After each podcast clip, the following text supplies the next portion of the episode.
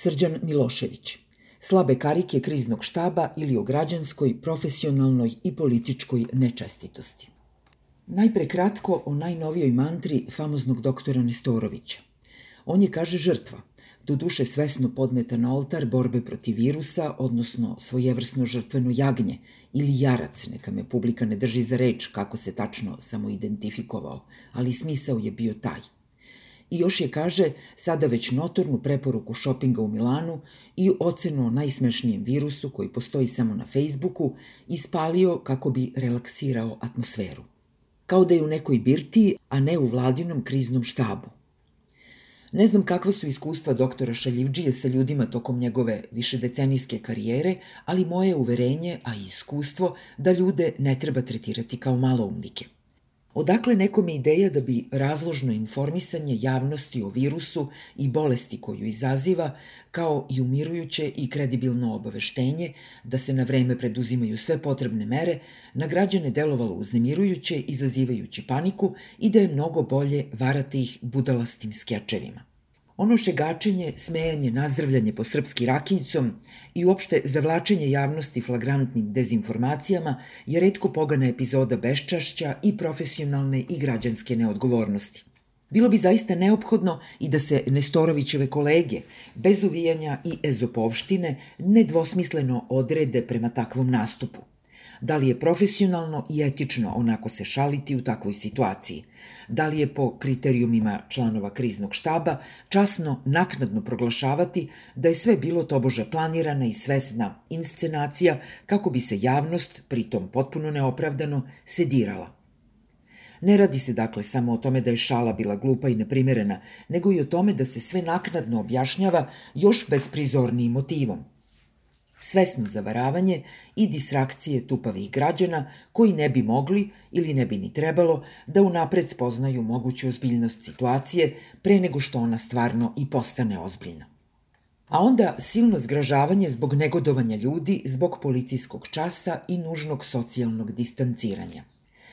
Ideja koja se ovih dana prodaje o tome da socijalna distanca uopšte nije nikakav razlog za nezadovoljstvo i da je zapravo divno sedeti kod kuće, feudalno je bezosećajna.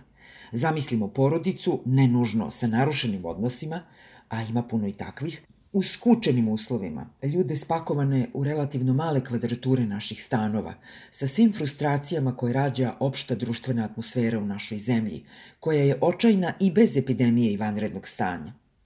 Kolika doza psihopatske bezosećajnosti je potrebna da se nonšalantno poručuje da je zapravo korisno sedeti u toplini kućnog doma, u komforu. Premijerka i doktor Šaljivđija su na tome naročito insistirali više puta. Ti privilegovani tipovi očito ne znaju da veliki broj građana Srbije živi u vrlo nekomfornim uslovima, u oko 18% beogradskih stanova na člana domaćinstva dolazi manje od 15 metara kvadratnih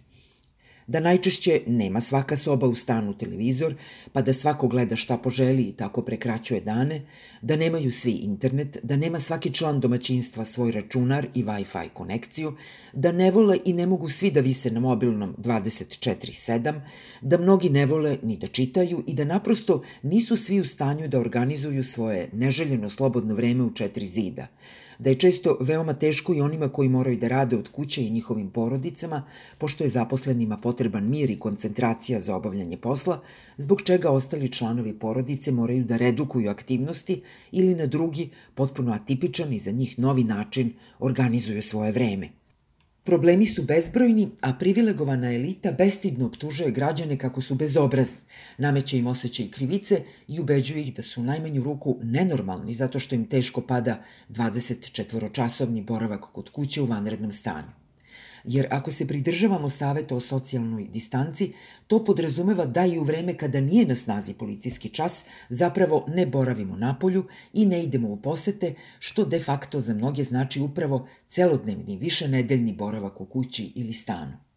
Ne sporeći nužnost socijalne distance, teško je ne primetiti da je najmanje što donosioci ovakvih mera duguju građanima empatija i razumevanje, a ne mušičavo zgražavanje i optužbe, kao ni cinično mudrovanje i jeftino psihološko savetovalište da je, eto, trenutak da se učvrste porodični odnosi, izglede nesporazumi, izgrade kvalitetnije veze. Sve je to lepo, ali to tako ne ide. Za ovaj problem potreban je takođe čitav jedan krizni štab koji bi kompetentno analizirao probleme izolacije i socijalnog distanciranja,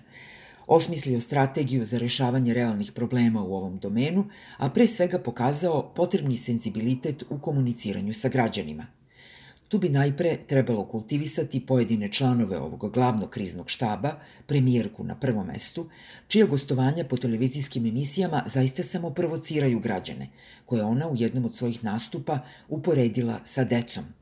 Nije mnogo bolji ni doktor Šaljivđija, koji je bez ikakve zadrške izvalio da kriza najteže pogađa bogate, jer su oni na gubitku, dok sirotinja nema šta da izgubi, ona može da izgubi samo život. Zbog čega je ova kriza zapravo komunizam, socijalizam,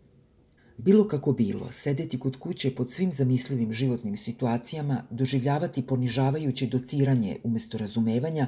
nije nešto što je eto tek tako, već može da bude i mučno i frustrirajuće i konfliktno, pa i iz različitih razloga opasno.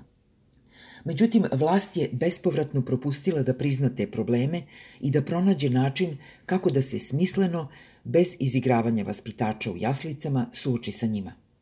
Ovo je kriza koja zahteva raspoređivanje snaga na više ravnopravnih frontova, zahteva razum, sistematičnost i empatiju. Dakle, sve ono što ovoj kamarili nedostaje, a ne akcijašenje, zgražavanje, disciplinovanje i nametanje krivice.